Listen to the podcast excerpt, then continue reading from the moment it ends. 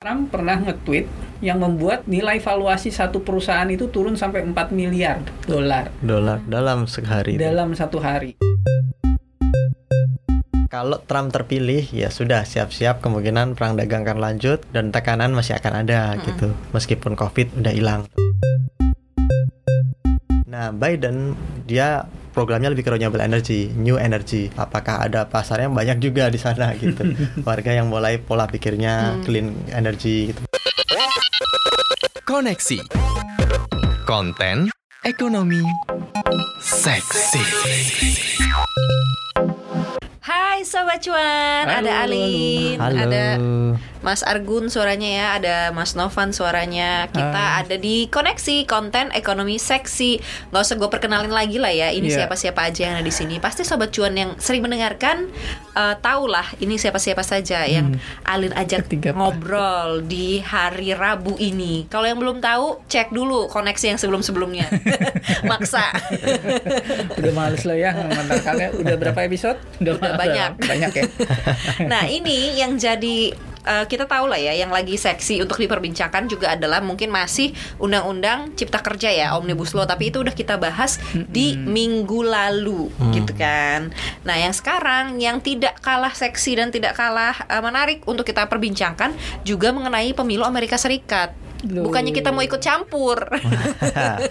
Cuma memang apa yang terjadi di sana gitu bisa saja mempengaruhi kita di sini gitu, bahkan Ya. seluruh dunia gitu ya Mas Argun ya. Ya, ya. Jadi kalau yang gue baca nih terakhir ya, itu diprediksi katanya Joe Biden itu bisa menang mengalahkan Donald Trump. Apakah begitu? Kayaknya Lu- banyak yang seneng nih Lu sobat tim siapa? Ya gue tim yang tidak Trump lah pokoknya. Dari dulu, dari pertama kali itu gue adalah tim yang tidak Trump. Pokoknya gitu. Kagak kalau soalnya kalau pemilunya di Indonesia gitu kan Hmm. pasti nggak gua nggak cok itu kampanye jadi masuknya jatuhnya ya Jadi gimana nih Mas? Potensinya bener nggak sih? Soalnya kan kayaknya orang tuh udah capek ya sama Donald Trump dan segala macam tingkah lakunya ya. Iya, iya. Gitu kan. kita yang nonton ya Fik. Eh, eh, gitu. gimana warga Amerika ya Ah, ah, ya capek, kecewa, sedih, jangan-jangan- marah kan, campur aduk tuh. Gimana mas? Kalau dari risetannya Mas Argun? Iya, kalau perkembangan terbaru memang dia memimpin di polling si Joe Biden ini uh, 17 poin itu uh, kalau Iya. dibandingkan dengan uh, Trump. Ini kalau menurut uh, pollingnya Guardian kita yang terbaru. Jadi 57% dia mereka uh, responden ditanya kalau pilpres dijalankan sekarang lo akan milih mana? Gitu. Nah, 57% surv- yang disurvei itu responden menilai menyatakan akan milih Biden dan 40% yang hanya- itu doang yang akan milih Trump. Jadi memang eh, popularitas Trump semakin menurun, eh, approval rate-nya juga cenderung menurun. Eh, itu mengindikasikan bahwa kemungkinan kalau nanti eh, pilpres dijalankan dan dia tidak melakukan terobosan apa pun, kondisi Amerika Serikat masih sama seperti sekarang, nggak ada faktor atau variabel pengubah tambahan. Misalnya tiba-tiba ada yang nyerang Amerika gitu misalnya, ya bisa dipa- hampir bisa dipastikan bahwa Trump nanti pasti kalah gitu. Oke. Tapi kan ini juga terjadi ya ketika apa eh, sebelumnya gitu di pemilu sebelumnya Trump itu juga kalah sebenarnya kalau dari popular vote eh, dari si ini ya si lawannya ketika itu adalah Hillary Hillary Clinton gitu. Tapi ujung-ujungnya jadi presiden juga Trump gitu. Nah ini mungkin Mas Argun bisa kasih uh, gambaran ya ke sobat cuan gitu. Bagaimana sih Ya. sebenarnya pemilu di Amerika Serikat? Kalau kita kan one man one vote ya. Iya. Jadi satu suara kita dihitung gitu, uh, dikalkulasi itu untuk uh, voting si calon yang kita pilih gitu. Kalau di Amerika Serikat ternyata nggak kayak gitu sobat cuan. jadi Iya. jadi nggak ada di Amerika Serikat itu bukan nyoblos gambarnya Trump atau gambarnya Biden gitu jadi mereka nggak langsung milih si dua itu gitu kan karena Iya. mereka milihnya elektor namanya jadi mereka yang mewakili gitu Mewakili. Hmm. kemudian mereka mereka lah yang berhak Jadi gimana coba Bu, siapa nih yang uh, Coba mau menjelaskan? Ya, ya. Uh, uh, Ya, mekanismenya gimana? Kalau kemarin kalau berkaca dari pilpres AS kemarin itu memang Trump kalah 2,8 juta suara kalau dari popular vote ya dibandingkan Hillary Clinton. Tetapi elektoral dia menang gitu. Dan menangnya itu di Pennsylvania. Nah, ken- kenapa bisa berbeda antara uh, suara popular vote sama electoral vote? Ya memang konstitusi Amerika di sana menyebutkan bahwa uh, pemilihan presiden itu penghitungannya ya pada akhirnya yang menentukan emang electoral vote dan itu Iya. berubah totalnya tiap eh, jumlahnya tiap tahun eh, tiap empat tahun gitu. Jadi mereka bikin namanya electoral eh, college. Dan itu yang nanti kayak eh, kayak semacam badan yang menentukan nanti negara bagian Texas berapa suara elektoralnya negara bagian Pennsylvania berapa. Eh, salah satu acuan utamanya menentukan eh, electoral vote di tiap kawasan atau negara bagian itu dari jumlah penduduk terutama gitu. Mm-mm. Tergantung jumlah populasi kan ya. populasi semakin padat semakin ini Banyak, banyak. gitu. Nah salah satu yang paling padat tuh Pennsylvania. Nah Trump kemarin merebut Pennsylvania padahal secara tradisional historis itu biasanya itu kantongnya Demokrat gitu secara elektoral gitu.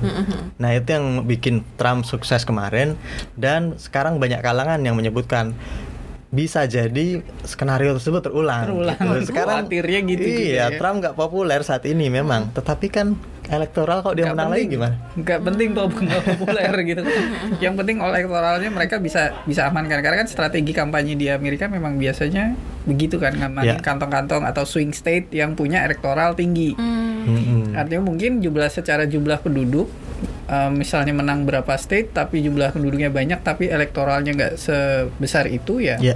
percuma gitu mereka menangkan. Jadi ada kantong-kantong yang memang jumlah elektoralnya karena kan mereka harus lebih dari 270 suara elektoral kan ya. Di atas rat- 270 saat dua- 270 itu udah dipastikan jadi Presiden. kandidat. Tapi ternyata juga kalau nggak salah baca ada dua state yang sebenarnya jadi elektoral ini misalnya satu provinsi nih atau satu state punya elektoral 35. Nah, yang menang di situ ya membawa suara 35 Semuanya. suara-suara. Jadi Borong. winner take all ya. Ya.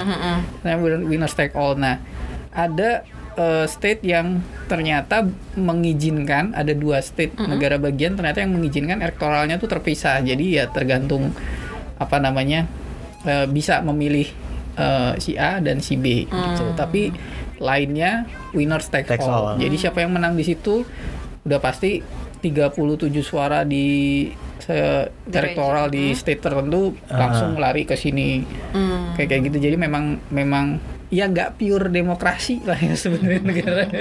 Bener nggak? Ya emang eh, apa ya bisa dibilang bukan pemilihan langsung iya. Tetapi keterpilihan langsung enggak, Enggak. gitu. jadi kita nyoblos misalnya nyoblos Trump atau nyoblos Biden di sana misalnya kita warga Amerika. Ya kita berharap yang kita coblos menang ya nggak dicoblos kalah. Plus selalu pasti kan dua dua calon. Tapi itu kemudian ke- keterpilihannya itu beda gitu. Meskipun saya nyoblos si A bisa jadi si B yang menang karena tadi itu ada yang diborong di satu negara bagian. Misalnya selisihnya 5 gitu. Eh, satu mendapat 10 satunya dapat 15 ya udah yang menang 15 kemudian disetor ke eh, apa pusat totalnya ya di jumlah 25 itu milik dia gitu suara elektoralnya gitu. Jadi itu yang bikin mungkin warga Amerika Serikat makin lama eh, partisipasi apa Pemilunya. pemilunya semakin, makin menurun kecil gitu. Karena mereka merasa bahwa ya percuma juga Percuma Iya, nyoblos ada nanti pada akhirnya. dong suara gue gitu toh kan. gitu. Cuma dia memang katanya sih ini juga untuk memperkuat je- bentuk negara mereka sebagai sebagai negara federal Bagian. negara bagi dengan negara-negara bagian gitu. Jadi pembentukan zaman dulu mereka membentuk negara itu memang juga awalnya konstitusi itu pun juga dalam bentuk elektoral jadi ya keterwakilan aja nggak nggak semuanya. Dan mereka yang mau mewakili itulah yang berhak memilih eh, presiden secara langsung. Dan elektor-elektor yang dipilih ini Mm-mm. ya mereka yang seolah-olah sudah pledge bahwa eh, ya gue akan ngikutin apa pun Kemauan eh, kemauan rakyat. rakyat. Kalau mayoritas di California misalnya milih Trump dengan eh, 50 sekian misalnya atau 30 sekian elektoral ya udah suaranya lari ke situ akan lari ke situ semua gitu. Dan ini gue pernah sih ngedenger eh, kayak ada talk show gitu lah bahwa sebenarnya tuh layaknya tuh kayak gini gitu diterapkan seperti Amerika Serikat. Karena kalau misalnya lu one man one vote di situ sangat eh, apa namanya potensial sekali beli suara gitu. Kayak yang terjadi mungkin ya di negara demokrasi terbesar di dunia. Hmm. di mana kan tuh yang pemilunya langsung gitu katanya. Jadi ka- eh, ka- kalau kasus beli beli suara gitu kayak serangan fajar yang ya jual beli suara itu bisa dieliminir nih kalau misalnya dengan yang electoral vote itu tadi gitu. Dan juga karena tidak semua warga negara itu eh, punya kapasitas yang sama gitu dalam pemikiran. Ini yang disebut sebagai masa ia pemikiran seorang profesor dengan seorang yang petani, petani gitu atau apa mungkin apa. disamain gitu kan sama. Tapi ya balik lagi kita kan mengusung sistem demokrasi demokrasi ya kalau. Indonesia ya. Di mana semua orang equal. Mm-mm. artinya entah lu mau profesor segala macam ya dia kedudukannya equal berhak. Mm-mm. berhak. Nah ini juga yang menjadi selama ini jadi ini di Amerika bahwa memilih presiden itu eh, privilege atau hak gitu kan sebenarnya. Nah kayak lewat erektor ini dianggap sebagai ini sebuah ada artinya memilih presiden ini ya privilege. Karena kita harus lewat elektoral mereka itu harus lewat elektoral Iya. gitu kan. Sementara di negara-negara ya kayak Indonesia ini kan lebih kepada haknya gitu. Mm-mm. meskipun masih ada polit apa ya praktek-praktek yang memang ke sana kemari sih ya. Mm-mm. Mm-mm. tapi seru sih sosok Trump ini memang. Dia nggak perlu mungkin dia tahu ya mengenai sis- sistem politiknya. Dia mengenal betul bahwa sistem politiknya di negaranya ya seperti itu dengan lobby-lobby tingkat tingginya Yes, gitu yes. kan jadi merasa bahwa gua nggak butuh ngumpulin suara populer jadi fokus sama memang suara-suara yang memang akan kantong-kantongnya dia yang Hmm. besar-besar itu gitu Mm-mm. Ini tuh kalau si elektornya ini gitu ya, eh, itu orangnya orang yang sama nggak sih mas setiap pemilu gitu? Atau cara memilihnya bagaimana gitu? Kalau setahu kalau Ah. setahu gua itu dia ditunjuk oleh eh, state-nya. Jadi ada, ad- itu juga bagian dari politik sih. Jadi misalnya eh kan kayak gubernur gubernurnya segala macam secretary state-nya di masing-masing state itu. Jadi mereka secara politik membentuk siapa nih orang-orang yang yang eh, elektornya lah yang akan menjadi elektor segala Yang macam. dipercaya gitu yang ya. akan dipercaya menyampaikan suara Mm-mm. rakyat di state tertentu untuk pemilihan presiden gitu. Iya sih. Kalau eh, kan Mas Argun tuh sempat bilang bahwa nih kayaknya bau-baunya strategi politiknya Trump gitu untuk menjadikan China itu musuh bersama gitu kan kita sempat ngomong tuh waktu itu bahwa sebelum eh, masa eh, pemilu gitu ya itu tenang-tenang aja gitu. China sama Amerika sempat akrab gitu. Nah sekarang makin dekat ke pemilu Amerika Serikat makin memanas gitu. Bahwa mungkin Trump butuh apa stage act gitu ya atau gimana gitu kan. Masyarakat Amerika gitu ya cenderung memang suka yang begitu ya. Yang yang yang pemimpin yang agresif pemimpin yang kayaknya adidaya gitu sama seperti negaranya gitu. Ya. Di Amerika Serikat itu mereka kalau kebijakan luar negeri itu menerapkan s- apa nama istilahnya kebijakan carrot and stick. Hmm. Jadi carrot itu ya wortel, stick itu pentungan. Mm-mm. Asumsinya ada kelinci. Nah kelinci kalau disuruh manut itu kan kasih carrot dulu. Kalau dia dia mau menerima carrot itu ya sudah berarti pakai pendekatan yang halus. Tapi kalau kelincinya nakal kasih pentungan gitu.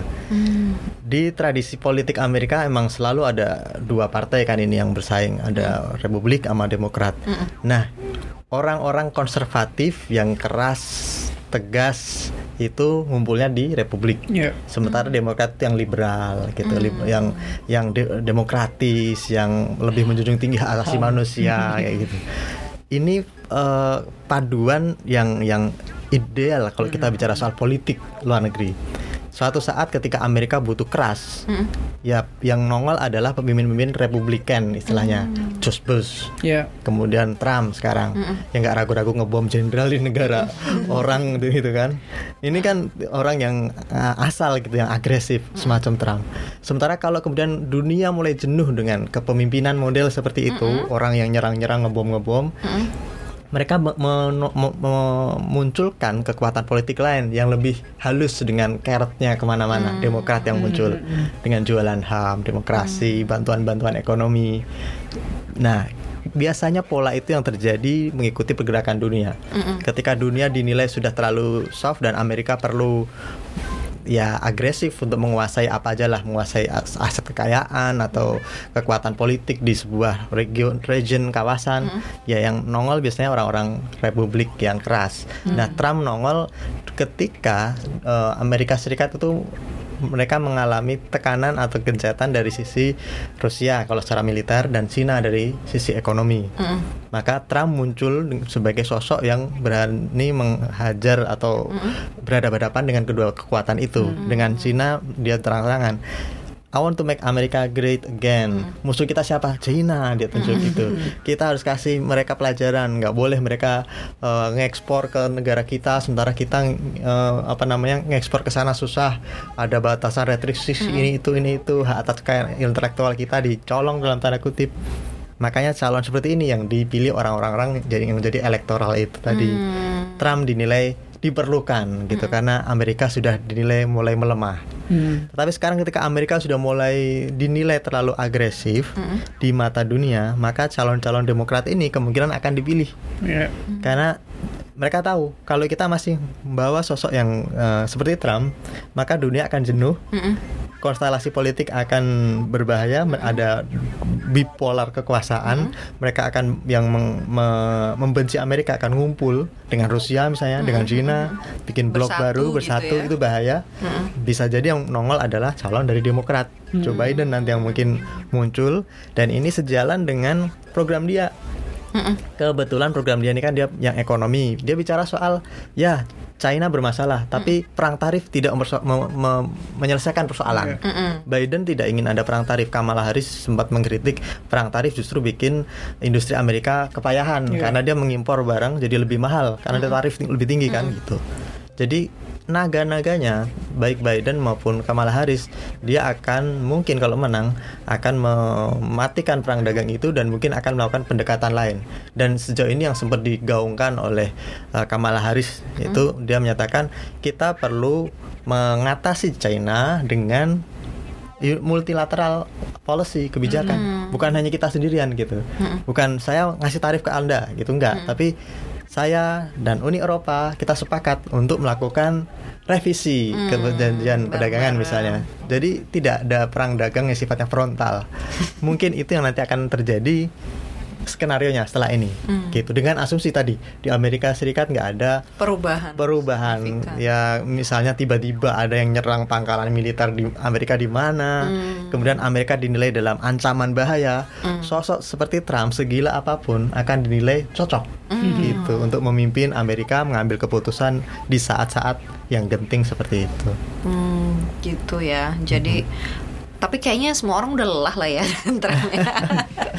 belum tentu karena memang sosok sosok Trump ini memang ya impiannya orang Amerika tuh ya dia kan berawal dari seorang pengusaha gitu kan sukses dengan segala kontroversinya dia gitu. Terus apa namanya komentar-komentar yang ya apa adanya gitu kan tampil. Cuma yang kita sempat bahas juga nar narsistiknya juga segala macem gitu kan yang dan dia juga punya punya apa namanya selain mm, misi gitu kan kayak gua tahu bahwa ternyata dia sudah meng, apa namanya mendaftarkan slogan Make America Great Again itu. MAGA. iya kan?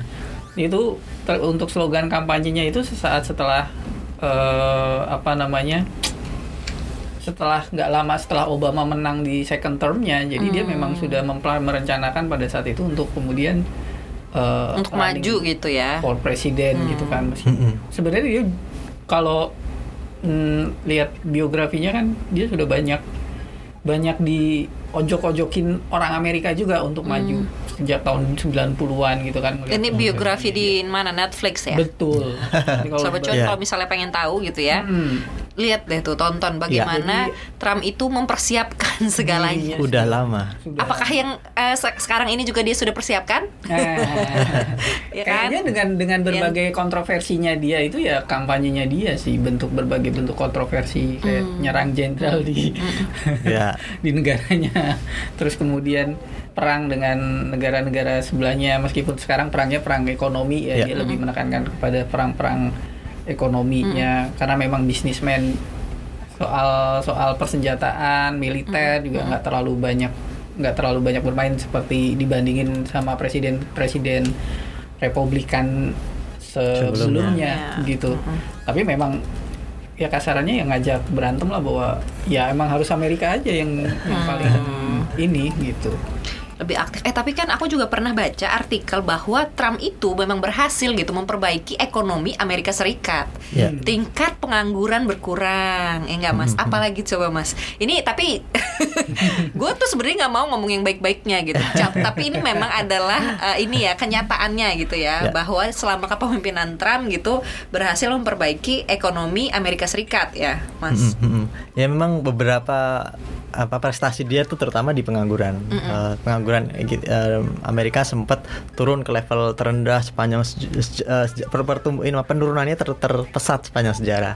Tetapi kalau saat itu kalau nggak salah kisaran eh, 5% gitu ya. Mm-mm. Nah, tetapi itu masih lebih kecil dibandingkan sebelum krisis tahun 2008, krisis finansial. Gitu. Artinya meskipun turunnya pesat tetapi belum kembali ke level terendah sebenarnya. Uh, angkanya harus di- dicek lagi. Tapi setidaknya itu yang bikin orang-orang menilai bahwa Trump tuh berhasil karena pengangguran turun gitu. Kalau di sana tuh indikator paling itu paling ya. paling utama itu pengangguran. Terus eh, kalau bicara pertumbuhan ekonomi ya memang sekarang tertekan semua. Jadi Trump bisa dibilang terselamatkan dalam tanda kutip dengan Kondisi adanya ya, karena kondisi. pandemi. Jadi dia bilang ekonomi turun lah, ya iyalah pandemi kan gitu. Berarti kalau nggak ada nggak ada pandemi sebenarnya dia babak belur juga karena kebijakan dia perang dagang itu juga Iya. ya. Karena bumerang itu bumerang buat eh, industri dalam negeri Amerika Serikat sendiri gitu. Kemudian kalau bicara perang tarif dikenakan ke produk-produk end user dari Cina, ya harganya kan lebih mahal dan yang terkena dampaknya adalah warga Amerika sendiri. Dia beri barang-barang menjadi lebih mahal gitu.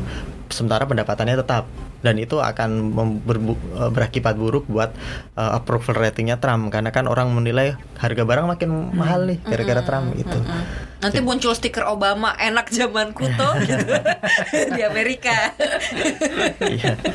Karena pas zaman Trump semua-semua naik harganya ya. Iya. Tapi memang pada apa pada akhirnya kan juga akhirnya Obama dalam tanda kutip menyerang juga kan bahwa presidensi zaman Trump ini agak gimana-gimana gitu secara terbuka akhirnya se- seorang ini seorang Obama. Dan beberapa tokoh Amerika juga akhirnya mm, mem- memihak ke Biden gitu kan. Mm-mm, mm-mm. kayak apa namanya ngasih endorsement ke Biden beberapa tokoh yang mungkin Mung- nah kalau pertanyaannya sekarang adalah bagaimana dengan para investor yang dibuat terkadang tersesat oleh Twitter Twitternya Trump yang kemudian mengguncang pasar. Sekali nge-tweet tiba-tiba indeks besoknya hancur. Gara-gara Ya itu yang sempat diduga gitu uh, bahwa apa Trump ini termasuk mendalangi uh, penurunan atau koreksi di Wall Street itu. Karena Iya. ketika Trump mencuit sesuatu diasumsikan akan ada kebijakan ya yang seperti yang dia jalankan terutama dulu waktu perang dagang gitu dia sering Iya. mencuit itu akhirnya Wall Street anjlok dan saat itu ya saatnya orang-orang untuk serok gitu kan. Terus itu kan kemudian apakah lagi. pertanyaan dia mengambil keuntungan Dia dari- ngebandarin Bayangin kalau misalnya Trump itu jadi presidennya kita pasti udah dijulitin sama investor-investor. Bapak mau serok bawah ya? Ini aja gubernurnya kemarin ya, ada statement udah ngamuk tuh.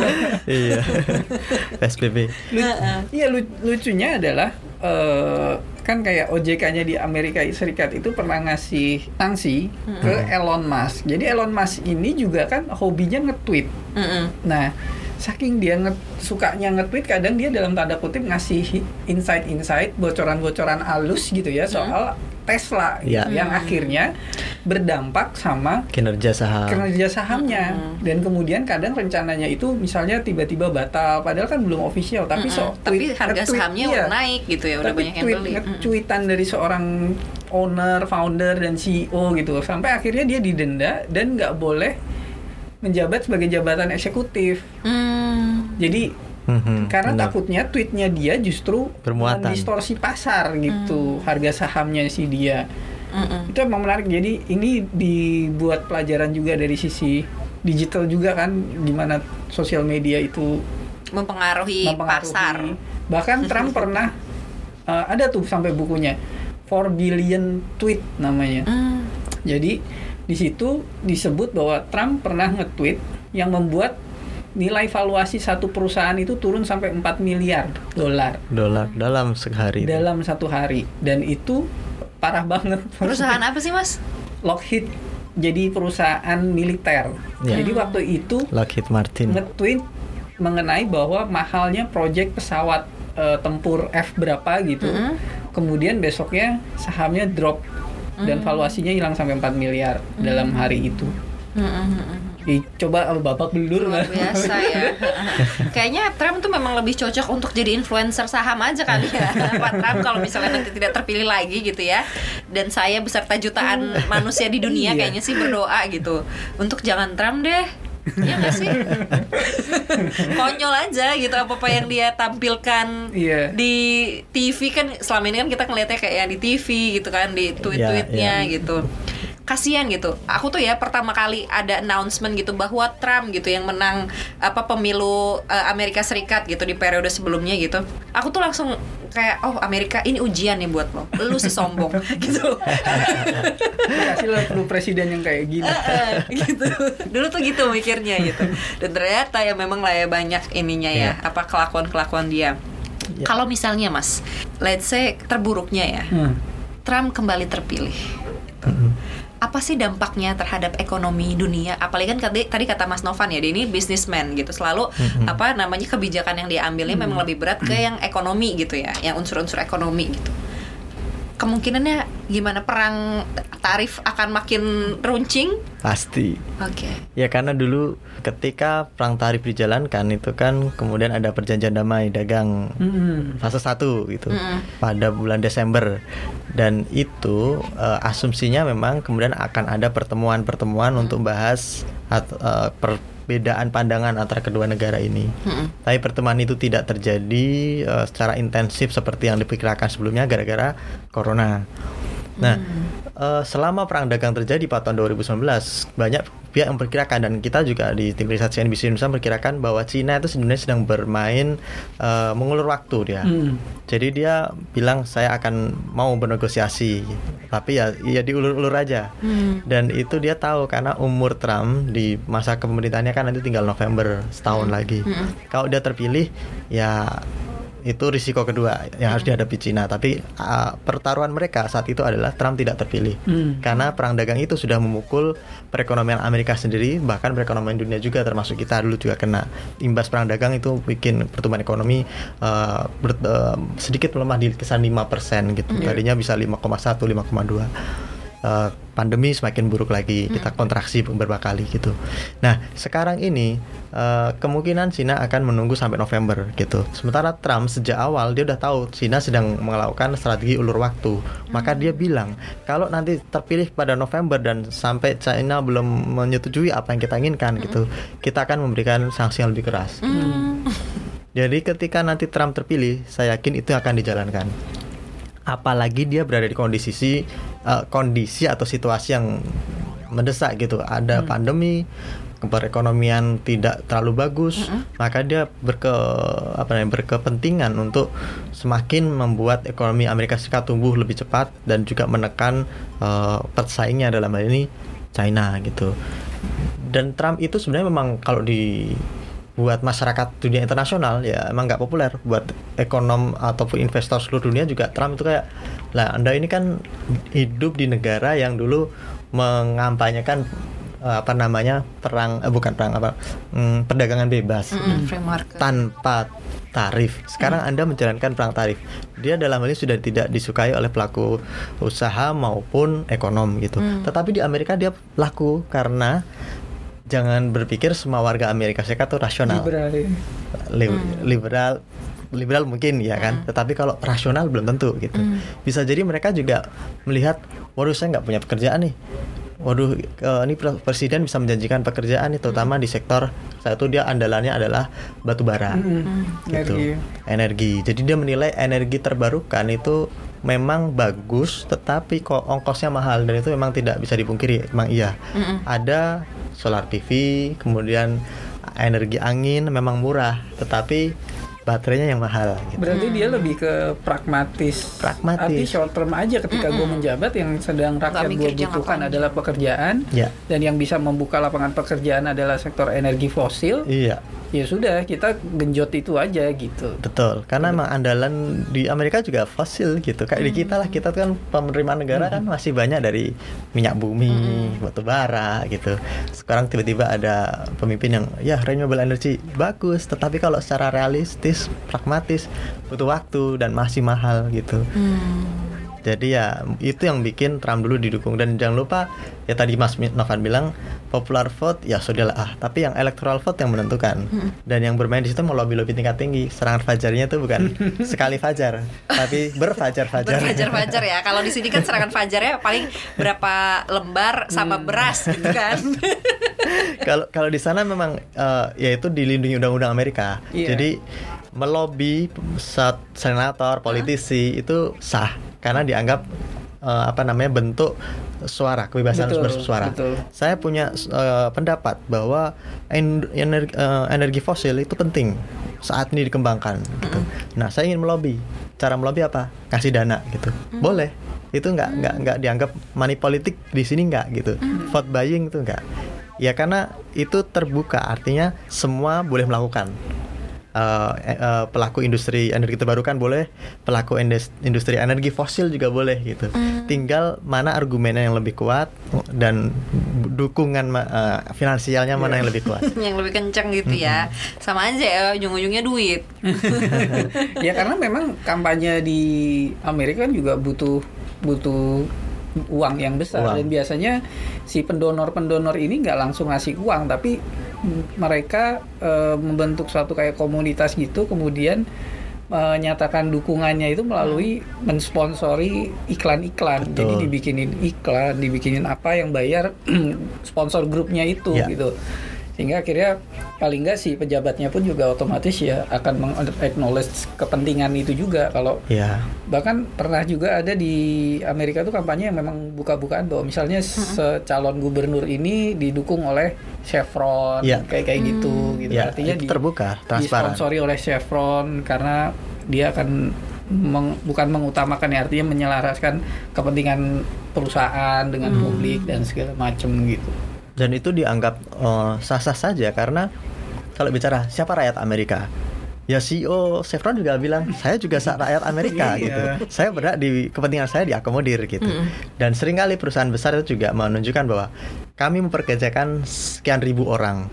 Nah, kalau misalnya industri saya anjlok, sekian ribu masyarakat Amerika ini akan kehilangan pekerjaan. pekerjaan. Mm-mm. Nah, ini yang kemudian menjadi dasar kenapa lobby-lobby yang dilakukan oleh para investor, pemilik dana itu dianggap wajar dan sah saja karena memang logikanya seperti itu dan mereka mainnya memang cantik gitu. Artinya kalau mereka menilai bahwa energi fosil harus didukung, ya mereka memberikan alasannya apa saja gitu, datanya apa saja. Gitu. Jadi bukan hanya asal ini untuk memperkaya saya ibarat gitu. Enggak. Jadi emang ya ya padahalnya mungkin kayak gitu. Tetapi setidaknya prosedurnya itu eh, lebih bagus gitu elegan gitu. Ketika mereka melakukan itu orang bisa menimbang oh eh, dia melobi si calon presiden ini. Dia mendukung calon presiden ini dan eh, targetnya apa? Ya lapangan kerja kemudian ada blok migas yang di mana. Kayak gitu. Alasannya kuat gitu ya dan Ya. eh, eh, rasional gitu. Ya. Eh, kayak tipe orang Amerika kan berdebat dengan segala macam reason gitu. B- Memang mau mengemukakan pendapat gitu. Kalau kita kan enggak ya, tahu-tahu sayangnya di sini ternyata ada di sini di belakangnya ini ternyata dan, gitu. dan mereka kan agree to disagree itu Biasa. gitu biasa gitu kan Kalau di sini yang nyumbang hamba Allah, hamba Allah, semuanya hamba Allah. Kepentingannya apa? ya nggak tahu. emang yang disumbang bukan nambah Allah begitu kalau ya lebih ini ya lebih bi- lebih terbuka gitu Iya, lebih terbuka, eh, transparan. fair-fairan lah ibaratnya kalau kata anak muda jam sekarang gitu Iya, orang Amerika iya. tuh di politiknya lebih fair-fairan gitu nggak Iya. nggak ada yang ya walaupun ada juga sih yang diumpet-umpetin kan Ya Ya, itu nanti ya pasti jadinya ada. kalau terbuka ya jadi menjadi sebuah skandal. Skandal, Bahkan ketika mm. keterbukaan itu ditutupi ya bisa Iya. menjadi sebuah ada Skandal, skandal. Nah, gitu kan. di situ peran ini apa namanya pilar demokrasi keempat gitu. Mm-mm. Ada Bob Woodward dan kawan-kawan yang akan memantau itu. Tapi kayaknya juga kalau bicara hubungan Amerika sama uh, in- dengan khususnya Indonesia, Indonesia. juga kayaknya gue nggak tahu apa feel karena memang kemesraannya Indonesia ini kayaknya ke lebih ke Demokrat kali ya maksudnya kalau leadernya dari Demokrat sepertinya karena memang Demokrat lebih cenderung merangkul Ya. merangkul negara-negara yang yang boleh dibilang negara-negara berkembang dan segala macam gitu Ya, ya. Kalau ya. misalnya kebijakan Republik juga kan mereka hanya fokus sentrisnya mereka gitu. Mereka yang harus jadi sentralnya segala macam. Ya, betul. Memang kalau sepanjang sejarah ini ya hubungan internasional antara Indonesia dan Amerika itu kita emang cenderung lebih dekat dengan eh, kaum demokrat di sana Hmm. karena kalau sepanjang sejarah misalnya kalau dulu kan ada Marshall Plan itu Iya. yang diinisiasi juga oleh Demokrat politisi Demokrat tapi zamannya Pak Karno Bung Karno saat itu tapi kan Bung Karno menolak gitu go to hell with your aid gitu kan tapi setelah zamannya Pak Harto please welcome aid Eh, semua semua sini sini gitu. Nah, ini memang tipikal negara berkembang. Kita saat itu negara berkembang memang lebih suka dengan sosok politisi yang memberikan carrot gitu dibandingkan stick. Di sisi lain kita kan juga tidak ada problem khusus dengan Amerika. Tidak seperti negara misalnya Iran atau negara Korea Utara yang bermasalah baik secara atau, atau berkonflik secara militer maupun secara ideologi. Kita nggak ada konflik itu. Artinya ya memang Demokrat akan lebih ter- eh, dekat dengan kita gitu karena pendekatannya yang mereka lakukan ya pendekatan-pendekatan eh, carrot kasih bantuan kredit lunak untuk beli alat militer misalnya. Eh, beda kalau misalnya Korea Utara gitu. Pendekatannya ya ya langsung stick aja gitu karena emang lagi berkonfrontasi. Sanksi-sanksi Gitu, ya. sanksi-sanksi gitu. Jadi memang ya kita cenderungannya dekat dengan Demokrat sebenarnya. Berarti harus ngomong tapi- Obama misalnya. Nah, Obama tuh anak menteng anak loh. menteng ya nasi goreng ya diplomasi nasi goreng ya. Bakso, itu, bakso. ya, waktu zamannya SBY sih waktu itu waktu itu. Iya. waktu itu sempat sempat pas Obama heboh hebohnya kebetulan juga lagi dides di istana tuh waktu itu memang Hmm. heboh hebohnya bagaimana resepsinya kembali ke Menteng segala macam dan dan memang terasa mungkin ya karena ada sejarah Indonesianya jadi kan terasa hubungannya dekat banget. Lebih dekat gitu ya. Mm-mm, betul. Tapi memang gimana pun juga kita harus siap-siap dengan kejutan sih. Ya. Ya dengan poolnya poolnya. Bahkan eh, barusan gue baca juga ternyata juga eh, publik Amerika mengakui ternyata kok poolnya mempermasalahkan. Kenapa kok poolnya ternyata tidak se mendekati realisasi realis Realitas. apa realitanya Ter- sehingga akhirnya Trump Trump menang gitu ketika kan. itu ya dulu ketika itu. yang sama makanya Hillary. heboh kan not my president pertama kali Iya, not, not my my president, campaign not my president segala macam. Ya itu membuktikan ada flow-nya juga sih di demokrasinya pem, apa vote-nya gitu iya kan. iya. Cuma ya rak- mungkin rakyat Amerika juga sedang harap selalu harap-harap cemas nih kalau sampai belum terbukti hari hanya soalnya kalau di poolnya tuh emang tinggi banget loh Biden itu. Mm-mm. jauh jauh menangnya bahkan sampai di atas. Dari jumlah 578 kalau nggak salah itu dia 300 suara elektoral tuh diproyeksiin udah dia pegang. Mm-mm. cuma balik lagi mungkin ya kejutan-kejutan inilah yang akan memang membuat Trump ini makin ya lo harus siap-siap kecewa sih Lin. Ah, enggak sih, gue sih berdoa aja. gitu. Karena gini sih kan ada tuh pengamat politik siapa yang bilang dia bilang bahwa rakyat di seluruh dunia gitu ya, ya dia bilang patternnya di Indonesia ini juga terlihat gitu bahwa selalu mencari pemimpin yang antitesis dari pemimpin sebelumnya. Hmm. Jadi kita tuh masih kayak trial and error aja kayak oh ke- yang kemarin misalnya terlalu sering prihatin atau selalu terlalu lemah gitu, lemah Ya. lembut gitu. Terus dia ngelihat ada sosok yang antitesisnya Iya, itu betul. gitu eh, yang mungkin lebih membumi, terus lebih mm, mungkin lebih satset satset. Nah, Nah. itu yang akan dipilih Iya, gitu. iya, iya, iya. Kemudian setelah jenuh dengan yang itu ntar ada lagi yang antitesisnya itu yang akan dipilih lagi gitu. Pa- padahalnya lawan yang sekarang juga antitesis banget ya, tapi kenapa nggak dipilih? tapi kenapa malah jadi menteri pertahanan lu? Mungkin itu karena ada hal lain ya yang itu ya.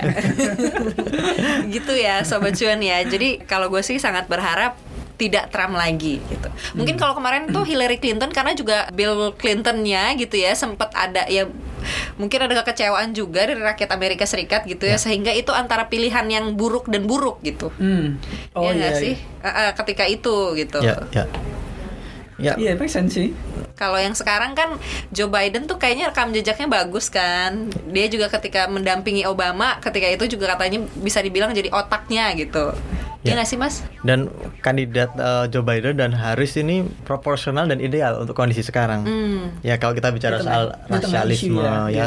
Black Lives Matter, ada Kamala Harris gitu kan, Eh, sosok yang eh, multikultur apa namanya backgroundnya dan di sisi lain Joe Biden juga tidak terlalu eh, sosialis gitu. Kalau selama ini jualannya kaum Republikan, Trump dan kawan-kawan itu kan calon dari Demokrat nih diselundupi atau sudah disusupi, ditunggangi gitu orang-orang sosialis. Dia akan mengubah Amerika yang kapitalis menjadi sosialis. Eh, dulu yang paling dituduh Bernie Sanders karena dia Hmm, memang ini. frontal menilai bahwa Amerika ini terlalu berlebihan, kaum kayanya satu persen ini sudah terlalu mendominasi. Joe Biden ada di tengah-tengah. Dia nggak seperti Sanders. Dia bilang the problem is not the rich intinya gitu. Jadi tapi emang regulasi. Makanya ada aturan atau rencana atau program dia. Dia ingin menormalisasi pajak yang dipangkas Trump gitu. Hmm. Tadinya kan Trump mangkas pajak dengan asumsi ketika pajak dipangkas untuk untuk perusahaan-perusahaan besar, maka perusahaan besar itu punya dana lebih yang akan diputar ke perekonomian. Teorinya kan kayak gitu, tapi Tapi kan prakteknya enggak kan juga. enggak juga. Disimpan aja lah, alhamdulillah. Ada Nah, lebih bisa kan. seperti itu makanya Biden juga mengkritik itu terus lebih baik dinormalkan dan nanti kita perkuat kompetisi uh, apa ke kapasitas kita gitu di dalam negeri dari sisi industri Hmm. dia ingin memperkuat riset uh, R&D soal industri-industri strategis untuk ngalahin Cina dibandingkan ngasih tarif kayak gitu jadi memang sosok yang di tengah-tengah ideal kalau multikultural uh, uh, figure itu dapat di Harris tapi Iya. kalau Biden sosok yang moderatnya Hmm. Dia juga akan jadi wanita pertama VP ya. Yes, VP yang ya, jadi VP presiden. gitu. Jadi dia akan mungkin dia akan menjadi semacam game changer uh, kayak Obama. gitu. Zaman dulu. ah. Obama itu kan ya pria kulit hitam pertama yang jadi presiden. Presiden. gitu. Nah sekarang Kamala wanita pertama mungkin yang multikultural yang Iya, jadi presiden iya. gitu. Meskipun bukan wapres pertama yang dari perempuan gitu. Dia ketiga kalau nggak salah. Tapi kalau dari background dia, mungkin kayaknya dia akan jadi pertama. Dan itu mungkin akan menarik warga AS untuk memilih. Apalagi sentimen BLM lagi kayak gini, Black Lives Matters itu. Ya, dan kalau kita bicara program ekonominya, memang nanti eh, Biden dia akan lebih fokus pada renewable energy. Dan ini kabar bagus untuk orang-orang yang concern dengan industri ini, termasuk saya gitu ya. Tetapi jangan lupa apa yang dilakukan Trump juga nggak buruk loh. Dia itu memulihkan apa namanya industri batubara, merevital- revitalisasi batubara dalam arti batubara jangan ditinggal. Ini energi yang melimpah. Meskipun kotor ya kita bersihkan Hmm. Clean energy yang dia dia usung sebenarnya di industri Clean coal batubara. ya, clean coal. Hmm. Jadi kalau bicara emisi ya ada tapi rendah gitu. Hmm. Kalau bicara polutan ya ada tapi ditangkap gitu. Jadi ada teknologi untuk nangkep uh, debu-debunya, sulfurnya itu ditangkap. Terus itu malah dikumpulin buat pupuk kayak gitu. Hmm, gitu dan membuka lapangan kerja juga Buka lapangan konkret kerja. tuh. Dan Trump itu menyasar sektor-sektor pertanian gitu.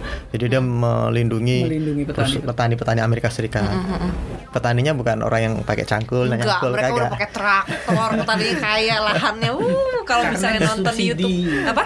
Karena disubsidi. Disubsidi. Produk-produknya juga dilindungi Ya. government, pemasarannya Betul, segala macam. betul. Itu yang memang jadi petani di sana itu memang menjadi Di eman-eman di sana Iya. itu. Sayang sayang. Sayang-sayang karena itu dianggap sebagai eh, sektor yang sudah extinct gitu. Hmm. Jadi udah unik dan harus dijaga gitu. Hmm. Ibaratnya orang tua ya sudahlah dijaga dibantuin biar bisa jalan kasih tongkat kasih dukungan apa apa apa itu yang Karena itu juga sebenarnya ada sektor terpenting ya. Kalau kayak Iya. sekarang nih COVID nih kita ngelihat ekspor terpenting. impor susah gitu ya. Ya negara yang bisa Mencukupi ibaratnya diri eh, sendiri ya. apa sih dulu eh, Soeharto tuh ini apa swasembada swasembada. pangan Mm-mm. Eh, eh, gitu yang bisa iniin pangan sendiri itu mungkin ya akan survive gitu di kondisi ketika arus apa barang Ya. ini tidak sebebas dulu gitu. climate change yang Iya, bikin itu juga. uh, panen gagal kayak gitu. Makanya sektor pertanian memang nggak bisa dibuat main-main gitu Uh, dulu kan selalu kita berpikir udahlah kalau misalnya ada kekurangan bisa impor gitu. tapi bayangkan jika climate change terjadi mengubah pola tanam di seluruh dunia panenan turun tidak hanya di Indonesia tapi seluruh dunia apa kita bisa berharap impor itu membantu belum tentu Karena pasti akan nyelamatin ini kebutuhan sendiri. Nah, negeri kalaupun sendiri, negara-negara kita bisa mengimpor mungkin harganya akan mahal kayak gitu loh. Jadi ongkosnya akan besar. Jadi memang Trump dalam hal ini mungkin dinilai benar oleh warga masyarakat Amerika Serikat. Ya kita kembali ke sektor-sektor yang penting, ya pertanian misalnya, sektor yang strategis, coal, coal memang kotor, tapi dia strategis.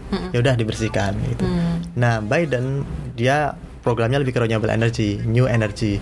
Dan ya apakah ada pasarnya banyak juga di sana gitu. Warga yang mulai pola pikirnya clean uh, energy gitu banyak. Ya, gitu. Tapi kalau gue sih personally nggak nggak terlalu melihat Biden ini sosok kenapa nggak ada kandidat lain juga dari Demokrat yang sebenarnya maju gitu ya selain selain dia yang sudah ya mungkin Dia udah sepuh loh. udah sepuh gitu kan udah sepuh dan Men- tadi kemarin ngelambe demensia dituding sama Trump. oh iya, Kan dia bilang mencalon buat senator. makanya Iya. dia- apa sosok sosoknya nih kalau kalau Alin bilang yang tadi antitesis nih Biden juga sebenarnya nggak terlalu antitesis banget karena nggak nggak sosok yang benar-benar eh, 180 180-nya derajat Trump, gitu. sama Trump gitu. Trump ini kan yang bad boy, cowboy gitu kan segala macam yang Amerika banget. Mau apa segala macam tembak salah belakangan ya udah ntar gampang urusannya gitu. Yang yang yang begitu-begitu kan sosoknya dan belum lagi kemarin kampanyenya dia juga kan melibatkan ada skandal eh, Cambridge Analytica Oh iya. mm. melibatkan Facebook, Iya, internet iya. digital dan segala macam sampai ada hearingnya gitu kan. Entah itu karena memang house-nya dikuasain Demokrat jadinya cari-cari kesalahannya Trump atau apa juga kan. I- ini nih yang penting juga dilihat nanti kemungkinan kalau misalnya ternyata hasil pollingnya sama kayak pemilu kemarin, ternyata Trump juga menang, bisa jadi di balik itu juga ada kekuatan-kekuatan digital yang sebenarnya menggerakkan orang-orang yang pro Trump lebih ya. mau datang ke kotak suara gitu atau Ya. datang pemilihan di tengah kondisi covid kayak gini. Karena kan sistemnya mereka juga apakah boleh lewat pos apakah kemudian harus datang ke TPS apa segala macam ini masih belum Ya. belum firm juga di sit- di di sana. Mungkin saja bisa Trump bisa mm, lebih menggerakkan orang-orang yang pro dia pronya Trump ketimbang Iya kan orang kalau misalnya poolnya udah tinggi, ah udah menang dia ngapain gue milih gitu kan. Kadang kan begitu oh, juga ya iya iya iya. ketika ada jejak pendapat False Iya. alarm gitu iya. ya. Mm. Oh si apa namanya Pak Pak ini udah Udah memimpin. udah, Pak udah Biden udah, udah diunggulin ya nah, nggak udahlah, usah lah, udah doain pasti- aja gitu. Apalagi Udah- lagi nggak ada udah serangan fajar kan. ternyata di last minute dengan kekuatan ya, Yang- dia kan juga ternyata melek digital dan segala macam tim kampanyenya ini kan eh, luar biasa jadi bisa lebih gerakin oh ternyata memang harus vote for Trump gitu kan. Gue sih masih lihat meskipun nggak ekspektasinya Trump diganti tapi nggak menutup ada Kemungkinan bisa kejutan-kejutan gitu loh. Iya. pilih kembali gitu ya. Dan headline internasional akan tetap rame. Ya. Berita-berita. Karena beritanya gampang, ngutipnya nggak usah di doorstop, lihat aja timeline Twitternya. Iya. Iya kan kalau Trump presiden. Di- Dipantau aja di internet jadi berita. Kalau di doorstop dimarahin kita. kan banyak tuh ya dia marah-marahin apa namanya? Iya, wartawan CNN. Wartawan. Iya, disuruh ganti-ganti gitu kan korespondennya kadang gini gitu kan fake news, fake news apalah gitu kan. Tapi ya itu sih dari sosok Trump tuh eh, gue dap melihat apa kayak eh, kalau biasa kan kayak wow presiden gitu kan dengan segala apa elegannya dengan segala Iya. kebijaksanaannya gitu kan. Dan ini gue melihat sosok presiden gitu ya yang mungkin mungkin 100 tahun lagi mungkin akan ketemu yang seperti ini atau berapa ratus tahun lagi gitu. Yang begitu gitu kelakuannya gitu. Iya, yang bikin mengernyitkan dahi. Ya, dia adalah dia. Kalau nggak salah udah berat, beberapa kali dia juga ganti chief of staff kalau nggak salah ya. Ya. Kepala staf presidennya atau dan penasehat-penasehatnya yang gedung putih udah berapa kali dia ganti selama empat tahun ini. Kebayang kalau kalau kita punya presiden seperti itu? Hmm, udah disantet kayaknya sama orang-orang di Amerika Serikat tuh kayaknya nggak ada santet ya. Kalau ada santet tuh kayaknya Trump tuh udah jadi bulan-bulanan santet. Enggak, yang ada buzzernya yang kesel. kalau kita kan nggak gitu kan. Maksudnya pemerintah yang pakai misalnya buzzer. Nah ini Kalau ini- presidennya Presidennya adalah buzzer dan influencer sendiri gitu ya. Ya, ya saya pikir ini ya kita paling harus mantau efeknya ke Indonesia aja gitu. Kalau Trump terpilih ya sudah siap-siap kemungkinan perang dagang akan lanjut dan tekanan masih akan ada gitu. Meskipun Covid udah hilang. Tetapi kalau Biden yang kepilih ya buat Indonesia mungkin kita ada harapan bahwa perang dagang akan berkurang dan di sisi lain perdagangan kita dengan Amerika juga akan meningkat. Karena ya tuh ketika perang dagang selesai Amerika juga eh, akan ya ekonominya bergulir dan dia akan membutuhkan lebih banyak bahan baku bahan pasokan. Salah satunya dari Indonesia. Eh, Amerika tuh mitra dagang kita terbesar di nomor 4 setelah China Jepang Singapura gitu. Jadi dia masih penting gitu. Meskipun kita juga tetap melihatnya ke China gitu. Nah kalau konstelasinya seperti sekarang ya emang H2C sih harap-harap cemas itu Ya apa pun yang terjadi nanti semoga ini adalah hal yang baik ya yang Betul. terjadi gitu. yang penting sih nggak ada perang aja. Mm-mm. Perang dunia ketiga enggak gitu ya karena kan semua orang khawatir ya bahwa akan pecah perang dunia ketiga gitu. Iya, itu aja yang penting lah. Ha-ha. Terserah deh di Amerika mau gimana. pasti. Tweet war aja lah Tweet gitu ya. war aja deh. Gitu, iya, bener. Jangan war beneran. gitu aja kali ya Mas Novan ya, Mas Ya, Argun ya. yes. Uh, uh, Sobat Cuan, itu tadi uh, obrolan kita seputar pemilu Amerika Serikat. Masih di November nanti finalnya gitu. Sekarang sih ya kita lihat aja lah bagaimana konstelasinya, konstelasinya. Dan kita doakan semoga siapa pun nanti yang menang pemilu presiden Amerika Serikat semoga bukan Trump. Ya, nggak boleh. kalau media harus netral ya, media harus netral. ya kalaupun Trump yang pilih semoga berubah Ah, ah. mendukung Indonesia Benar, gitu deh ya. make Indonesia great again gitu ya. nggak peduli dia kayaknya sama yang lain gitu ya sobat cuan ya. Sampai jumpa di koneksi episode lainnya. Saya Alin. Saya Novan. saya Argun Bye. bye